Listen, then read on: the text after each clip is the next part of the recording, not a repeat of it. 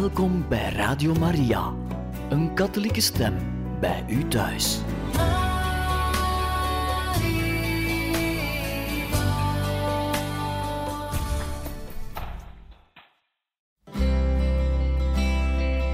Welkom bij Boekat, een programma van Radio Maria.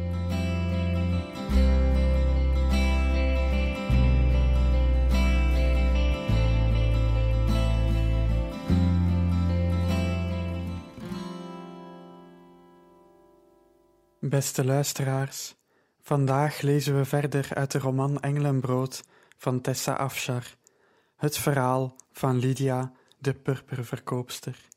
Hoofdstuk 33 Alleen de zegen van de Heer maakt rijk, zwoegen voegt daar niets aan toe.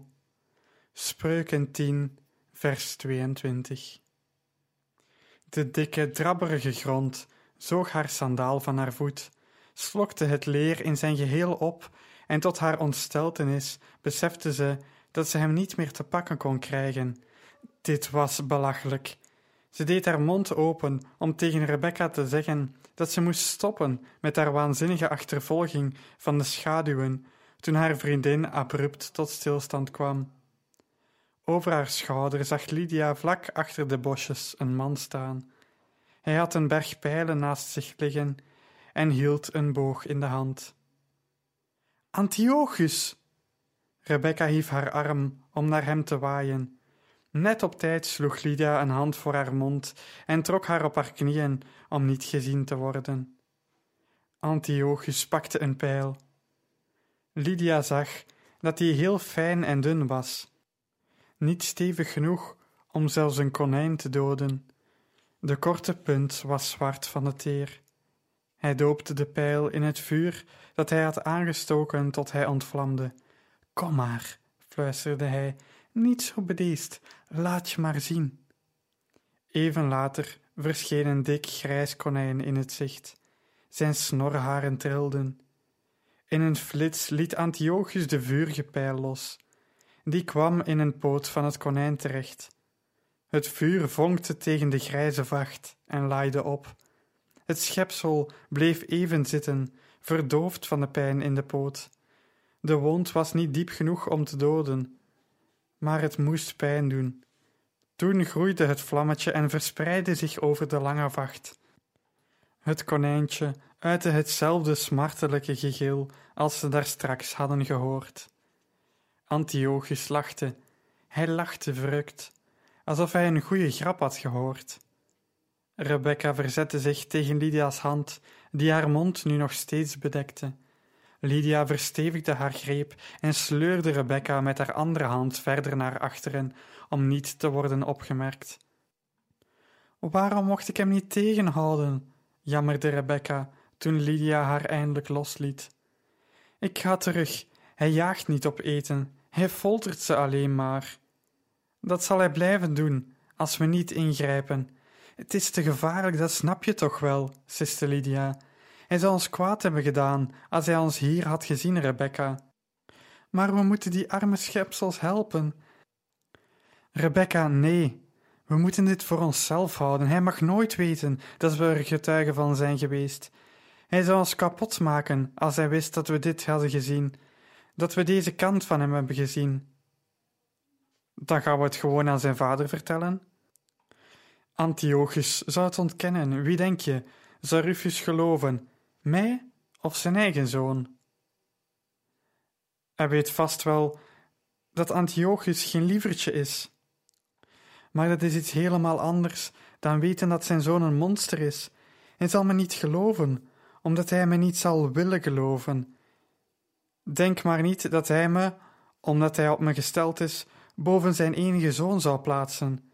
Ik ben te onbelangrijk om een vijand van Antiochus te maken. Goed, we zullen het dan aan Demetrius vertellen, Rufus' bedrijfsleider. Dat is een goed mens en hij is heel intelligent. Hij zou ons wel geloven. Maar wat kan hij eraan doen? Hij is maar een slaaf. We mogen niet overhaast reageren. Denk goed na, Rebecca. We zullen niet winnen als we deze strijd aangaan. Dit is zo'n moment waarop we net als Horatius de andere kant op moeten rennen.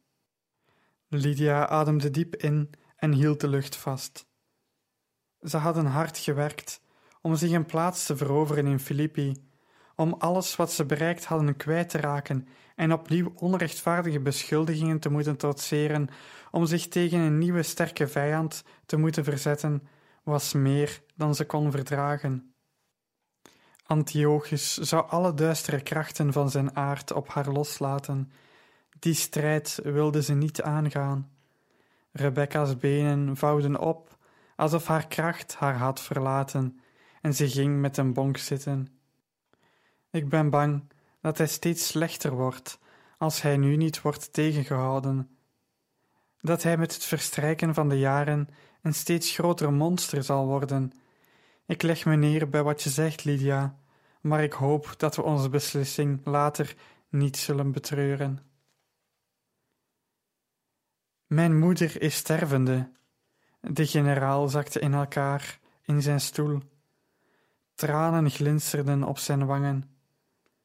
Ik heb tegenover gewapende mannen gestaan die groter waren dan ik, tegenover soldaten die op me afkwamen met de dood in hun oorlogskreten.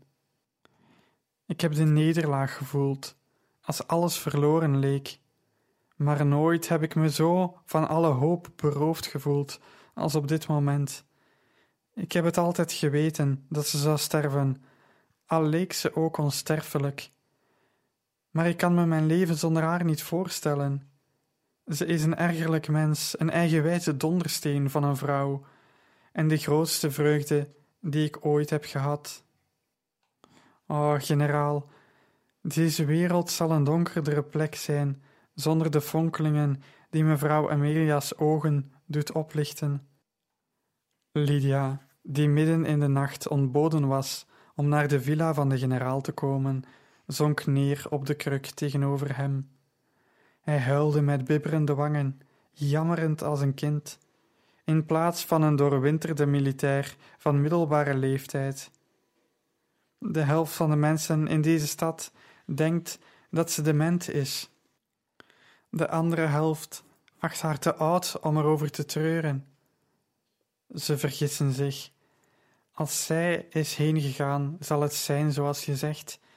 Mijn licht zal zijn glans verliezen. Lydia pakte zijn hand. Toen mijn vader stierf, dacht ik dat ik niet verder kon. Hij was mijn thuis. Hoe heb je het dan gered? In het begin hield ik alleen omwille van hem de schijn van het leven op. Ik kon de gedachte hoe teleurgesteld hij zal zijn als ik opgaf niet verdragen. Dus ik zette de ene voet voor de andere. Met der tijd begon het leven weer goed te smaken. Er gaat geen dag voorbij dat ik hem niet mis, maar ik leef en ik schep plezier in het leven dat ik heb. De generaal veegde zijn gezicht af en haalde diep adem. Ze heeft naar je gevraagd.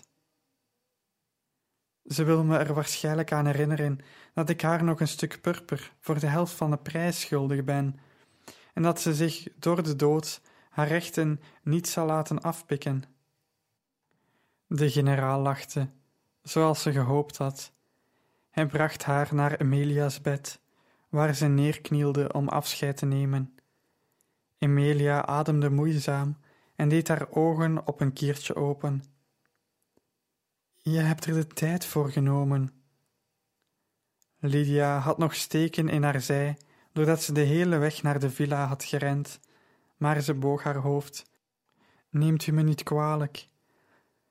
Luister eens even, jullie allebei. Lydia, ik wil dat Manius je adopteert. Wat? Riepen de generaal en Lydia tegelijkertijd verbijsterd uit. Lieve moeder, u weet toch hoe onmogelijk dit verzoek is? Ze wuifde zwak met haar hand in de lucht. Manius heeft al een erfgenaam, de zoon van zijn vaders broer. Ik wens de jongen geen kwaad toe, hoewel het een zeurkous is. Voor Lydia vraag ik alleen dit: Manius, adopteer haar zodat ze een burger van Rome kan worden. Haar moeizame ademhaling werd zwaarder en ze werd stil en grijs. Ze wachten. Amelia putte kracht uit een diep, onoverwonnen reservoir en vervolgde: Hoe kan ze waarachtig succes bereiken als ze zulke exorbitante belastingen moet betalen aan Rome? Adopteer haar voor mij, mijn zoon. Je hoeft daar geen geld of grond na te laten. Dat zal ze niet nodig hebben. Ze heeft een goed verstand en een zeldzaam talent. Daar zal ze meer aan hebben dan al het onroerend goed van het hele rijk. Je hoeft haar alleen maar je naam te geven en de kracht van Rome. Lydia's mond viel open. Het kwam wel eens voor dat een welgestelde man als Varus, die geen natuurlijke erfgenaam had, een jonge man adopteerde om na zijn dood zijn bezit aan over te laten. Maar niemand adopteerde een vrouw. Dat was ongehoord. Als Varus deze ongewone verantwoordelijkheid aanvaarde, zou hij Lydia meer geven dan de rechten van het staatsburgerschap. Hij zou haar de naam en positie van een man geven, om die van haarzelf te ondersteunen. Ze had al iets ondenkbaars bereikt voor een ongetrouwde vrouw. Met hulp van Amelia had ze zich met een zekere mate van succes in de handel gevestigd. Meer was echter onmogelijk. Ze kon niet verder zonder de naam van een man. Ze hield haar adem in, benieuwd naar Varus' beslissing. Hij vond het verzoek van zijn moeder waarschijnlijk buitengewoon onbezonnen. Zijn instemming kon hem de afkeuring van heel Filippi opleveren. Zelfs een laatste wens zou een man niet zo ver brengen om tegen zijn overtuigingen in te gaan. Varus pakte Emilia's hand. Ik beloof het, moeder. Het zal gebeuren zoals u zegt. Lydia hield haar adem in. Ik wou dat hij zo kneedbaar was geweest toen ik in goede gezondheid verkeerde. De oude dame lachte breekbaar. Lydia pakte de broze hand van haar heldin. Denkt u aan mij op dit uur? U herinnert zich mij in uw lijden. Haar stem begaf het. Wel, het is aangenamer om aan jou te denken dan aan de dood. En dan nog iets. Ik laat jou die afzichtelijke speld met die enorme blauwe steen na. Elke keer als ik zie dat je hem draagt, zal ik lachen in het land van Hades. In gedachten hoorde Lydia de woorden van Rebecca. De Heer heeft alles wat Hij heeft gemaakt zijn doel gegeven. Carissima Domina, lieve mevrouw, mogen God u een veilige overtocht schenken en dank u wel uit het diepst van mijn hart.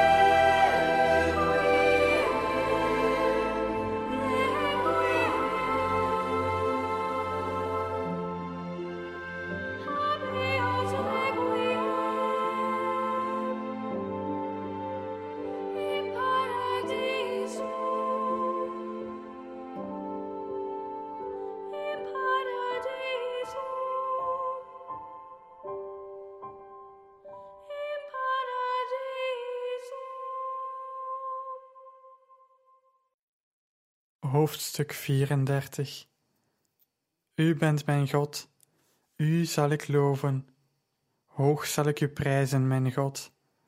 Psalm 118, vers 28 Emilia's uitvaart was deftig genoeg voor een keizer. Lydia was een van de weinigen die oprechte tranen schreide om haar verlies. Het viel haar op dat Antiochus ontbrak onder degenen die haar de laatste eer kwamen bewijzen. Het gerucht ging dat Antiochus zich te schande had gemaakt met een heel jong meisje. Geld was van eigenaar gewisseld en het gerucht was de kop ingedrukt. Er werd geen officiële aanklacht tegen hem ingediend, maar niettemin bleef er een wolk boven hem hangen. Lydia vroeg zich af of zijn afwezigheid aan dit schandaal te wijten was, of dat hij er publiekelijk mee duidelijk maakte dat hij een hekel aan Amelia had, zelfs in de dood. Thuis schopte ze haar sandalen uit en leunde tegen de haard waar ze hun maaltijd in bereidden. Een vuur verleende wat warmte aan de kille herfstlucht. Rebecca kwam naast haar zitten en begon voorzichtig de strakke vlechten en haarlussen los te maken, waardoor Lydia's hoofdhuid jeukte en pijn deed. Lydia zuchtte van verlichting toen haar vriendin haar losgemaakte haar met zachte bewegingen kamde. Ik heb eens nagedacht, zei ze. Oei, moet ik me zorgen maken? Over God, toen mijn vader stierf, had ik niemand meer over. Toen ben jij bij me gekomen, als een anker, een eigen zus, een geschenk dat ik niet verdiende. Het is makkelijk om de vele keren dat we hulp gekregen hebben over het hoofd te zien, hulp van boven. Ik wil het werk van zijn handen niet meer voorbij zien, het geschenk van zijn goedheid. Meer dan toeval, meer dan de grootmoedigheid van een mens of de veranderlijke aandacht van de lege goden van Griekenland, hebben wij het ingrijpen van een heilige God ontvangen. En nu ben ik staatsburger van Rome, omwille van jou, Rebecca, om jou te zegenen. Heeft God mij gezegend, denk ik. Rebecca glimlachte. Ik denk dat hij jou omwille van jezelf heeft gezegend, lieve vriendin, omwille van de plannen die hij voor je heeft. Ik weet niets van zulke plannen of waarom hij die moeite zou nemen om die te maken. Ik weet alleen dit: jouw God is mijn God. Na de uitvaart vertelde generaal Varus me over een zwaard dat de Romeinen de Makhaira noemen. Het heeft een korte kling en wordt gebruikt in een handgemeen, van zo dichtbij dat het slachtoffer alleen het gezicht van zijn moordenaar kan zien. De generaal zei dat verdriet is als een vijand die een makhaira tegen je keel drukt. Het enige wat je ziet is het gezicht van verdriet. De rest van de wereld vervaagt. Ik denk dat ik weet wat hij bedoelt. Mijn hele leven heb ik gevochten met mijn eigen vijand, die een makhaira hanteerde. Angst. Ik kan God niet zo duidelijk zien als jij. Daardoor kan ik niet dicht bij hem komen, maar Rebecca, hij is echt en ik ben van hem. Rebecca hield Lydia's hand een ogenblik vast. Haar ogen werden vochtig. Ook ik heb vijanden die een Makhaira hanteert. Jij, Rebecca? Haar vriendin sloot haar ogen. Het is eenzaamheid. Ik heb jou, zuster en vriendin maar ik hunker naar iets anders. Het is alsof er een gat in mijn hart zit dat niets ooit kan vullen. Geen intellectuele bezigheid, geen vriendschap, geen werk, zelfs God niet. Het is alsof ik een groot stuk van mezelf mis. Ik denk dat de hele wereld hetzelfde kan zeggen. Een maand na de uitvaart adopteerde generaal Varus Lydia in een besloten plechtigheid. Nadat ze samen een eenvoudige maaltijd hadden gebruikt, keerde Lydia naar huis terug. Ze haalde een grote bundel van een plank, die ze daar ter voorbereiding op deze dag had neergelegd. Ze wikkelde er lagen zachte wol af en pakte een grijze, versleten uitziende steen uit. De steen die ze had meegebracht uit de bron van haar ouderlijk huis. De steen met de naam van haar grootvader, Themistius. Haar vingers streelden eerbiedig de letters. Ze kuste het ruwe metselwerk, haar lippen warm tegen het koude oppervlak. Afgezien van haar bloed, de enige schakel die haar bond aan verdwenen generaties. Geslachten die begraven waren in de grond van Thyatira. Met grote zorg wikkelde ze de steen weer in de wol. Ik zal de metselaar vragen mijn vaders naam hierin te graveren, onder de naam van mijn grootvader. We gaan hem gebruiken als hoeksteen van onze werkplaats, zei ze tegen Rebecca. Onze werkplaats? Ja, de werkplaats die we samen gaan opbouwen. Jij, ik en God. Ik denk dat God ook van purper houdt. In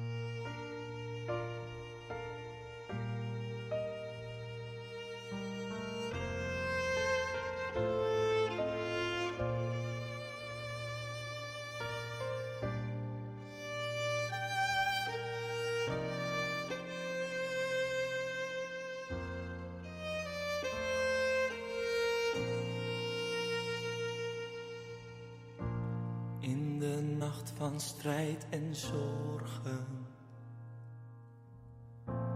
Kijken wij naar u omhoog, biddend om een nieuwe morgen, om een toekomst vol van hoop.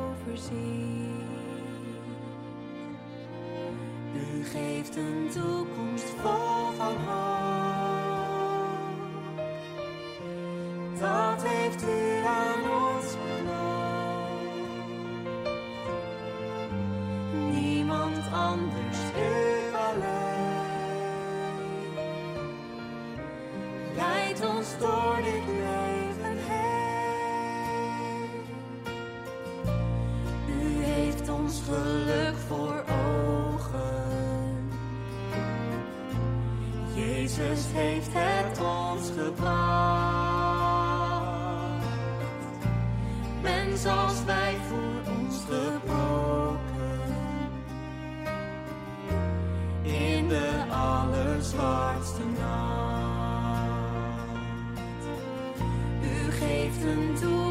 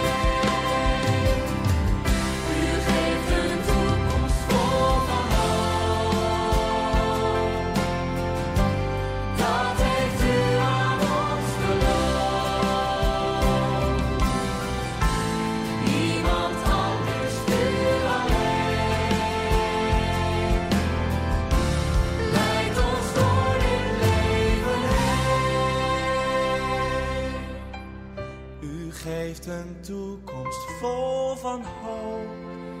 Vol van hoop. Dat heeft u aan ons beloofd. U heeft het beloofd. Niemand anders, u alleen. U alleen. Leidt ons door dit leven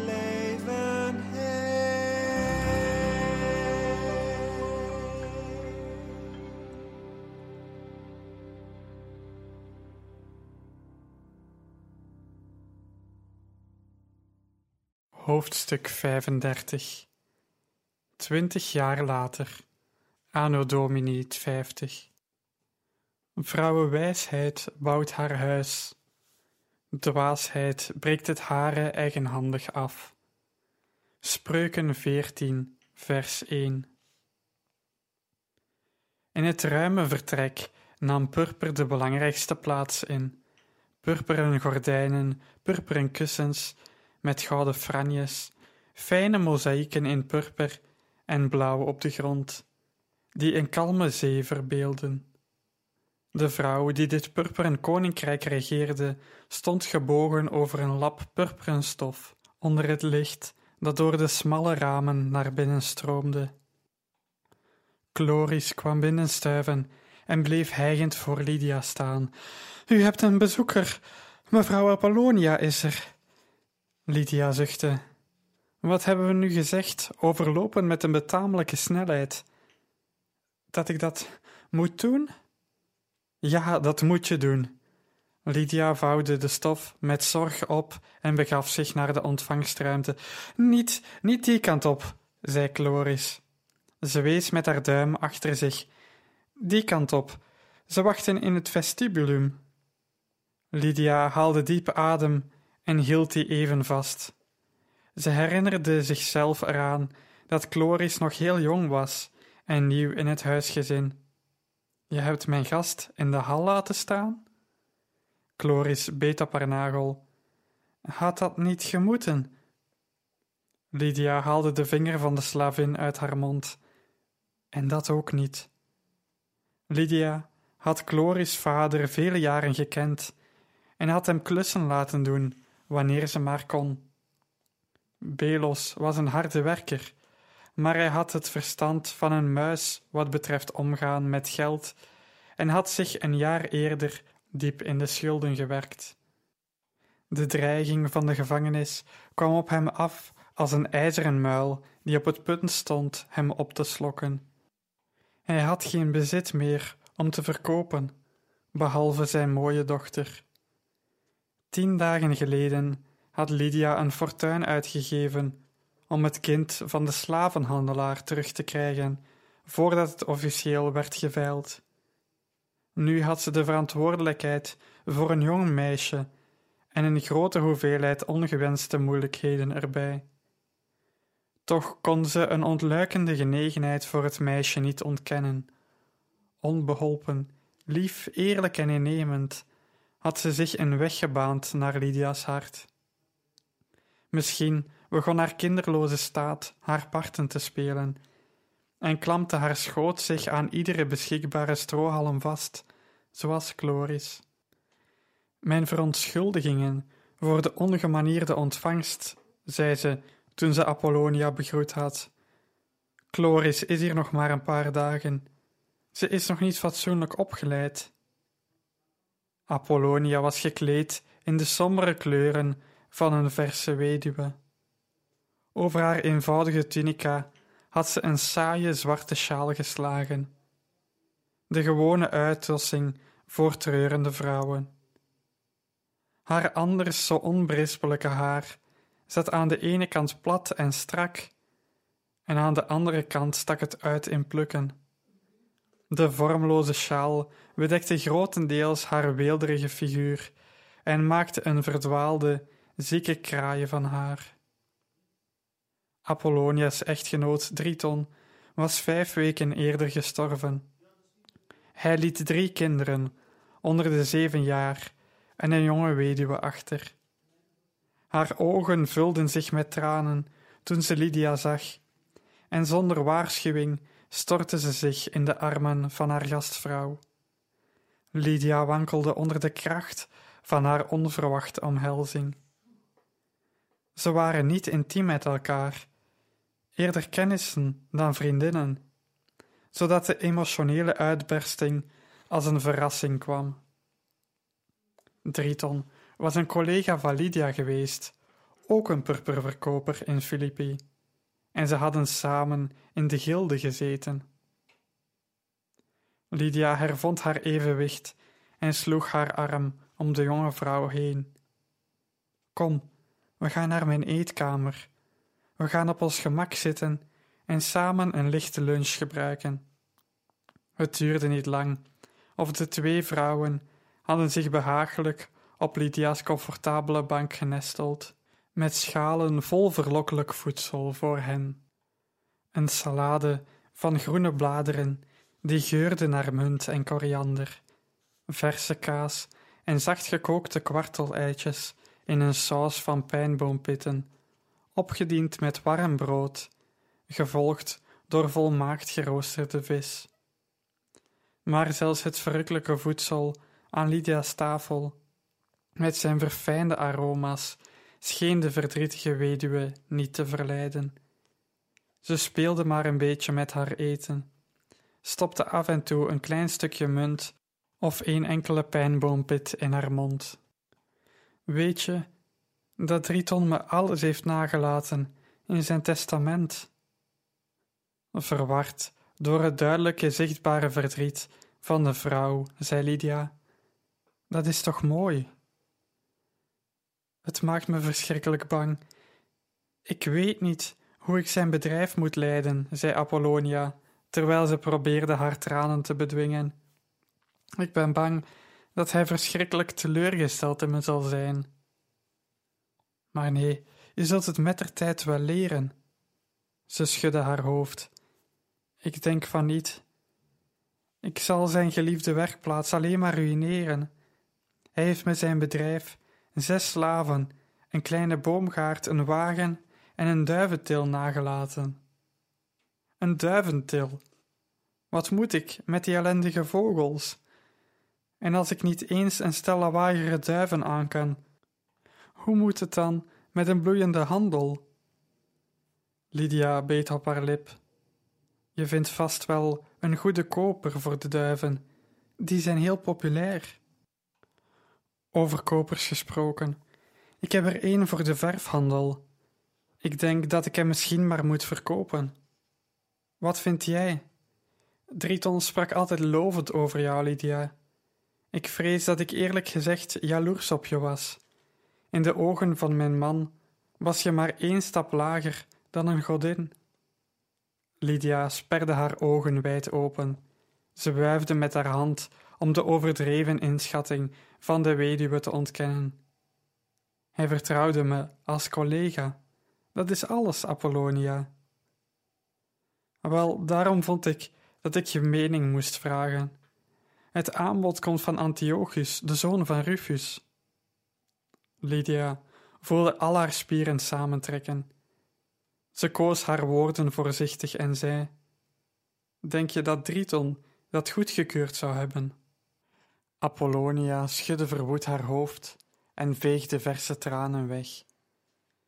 Hij zal nooit verkopen. Dat bedrijf was als een geliefde zoon voor hem. Maar wat kan ik anders doen? Neem een bedrijfsleider in dienst. Driton beheerde alles zelf. Dat hoef jij niet te doen. Antiochus zegt dat een bedrijfsleider me alleen maar kaal zal plukken. Hoeveel heeft hij jou geboden, als ik vragen mag? Apollonia noemde een bedrag. Dat is schandelijk, riep Lydia uit. Ik heb de boekhouding van je man natuurlijk niet bekeken, maar als ik alleen naar zijn werkplaats en de inventaris kijk en te oordelen naar zijn reputatie als betrouwbare handelaar, zou ik zeggen dat zijn handel vier keer zoveel waard is dan wat Antiochus je biedt. Vijf keer, als je man extra handel in een pakhuis had opgeslagen. Wat in een textielvak een normale gang van zaken is. Antiochus is degene die oneerlijk is en misbruik wil maken van een jonge weduwe. Maar Lydia, zei Apollonia met een frons in haar voorhoofd, iedereen is dol op Antiochus. Vorig jaar nog heeft de stad hem geëerd met een marmeren plaket waarop hij een voortreffelijk burger en weldoener in Filippi wordt genoemd. Natuurlijk, hij heeft meer ambtenaren omgekocht dan er vissen zitten in de Egeïsche Zee. Hij geeft overdadige feesten en nodigt iedereen uit die hem een dienst kan bewijzen. Hij geeft tarwe, wijn en olie weg voor keizerlijke feestmalen. Dat geeft hij niet alleen omdat hij zo vrijgevig mens is, met een goed hart, maar omdat hij zijn invloed wil vergroten en zijn persoonlijke rijk wil bouwen. Hij geeft niets om eerlijkheid. Laat je dus niet voor de gek houden door een marmeren plaket Apollonia. Antiochus aanbod is een schande. Laat je je erfenis niet afdroggelen. De weduwe zakte vermoeid tegen de rug van de bank. Tja, als hij zo slecht is als jij zegt, moet ik hem misschien niet vertrouwen. Haar ogen werden groot. En jij, wil jij het bedrijf van mijn man niet kopen? Lydia zuchtte. Dat kan ik jammer genoeg niet. Ik heb op dit moment niet voldoende geld ter beschikking. Tot wie moet ik me dan wenden? Zoals ik al zei, je bedrijf heeft een betrouwbare bedrijfsleider nodig. Maar waar moet ik dan zo'n toonbeeld tegenkomen? Ja, ze zijn niet makkelijk te vinden, dat geef ik toe. Lydia beet op haar lip. Ze wist dat haar volgende woorden en kennis konden helpen, maar haarzelf in gevaar konden brengen. Ze haalde diep adem en waagde de sprong. Antiochus heeft een voortreffelijke bedrijfsleider. En zo, beste luisteraars, zijn we aan het einde gekomen van deze aflevering. In een volgende uitzending lezen we verder uit het boek Engelenbrood, het verhaal van Lydia de purperverkoopster van Tessa Afshar. Tot een volgende keer.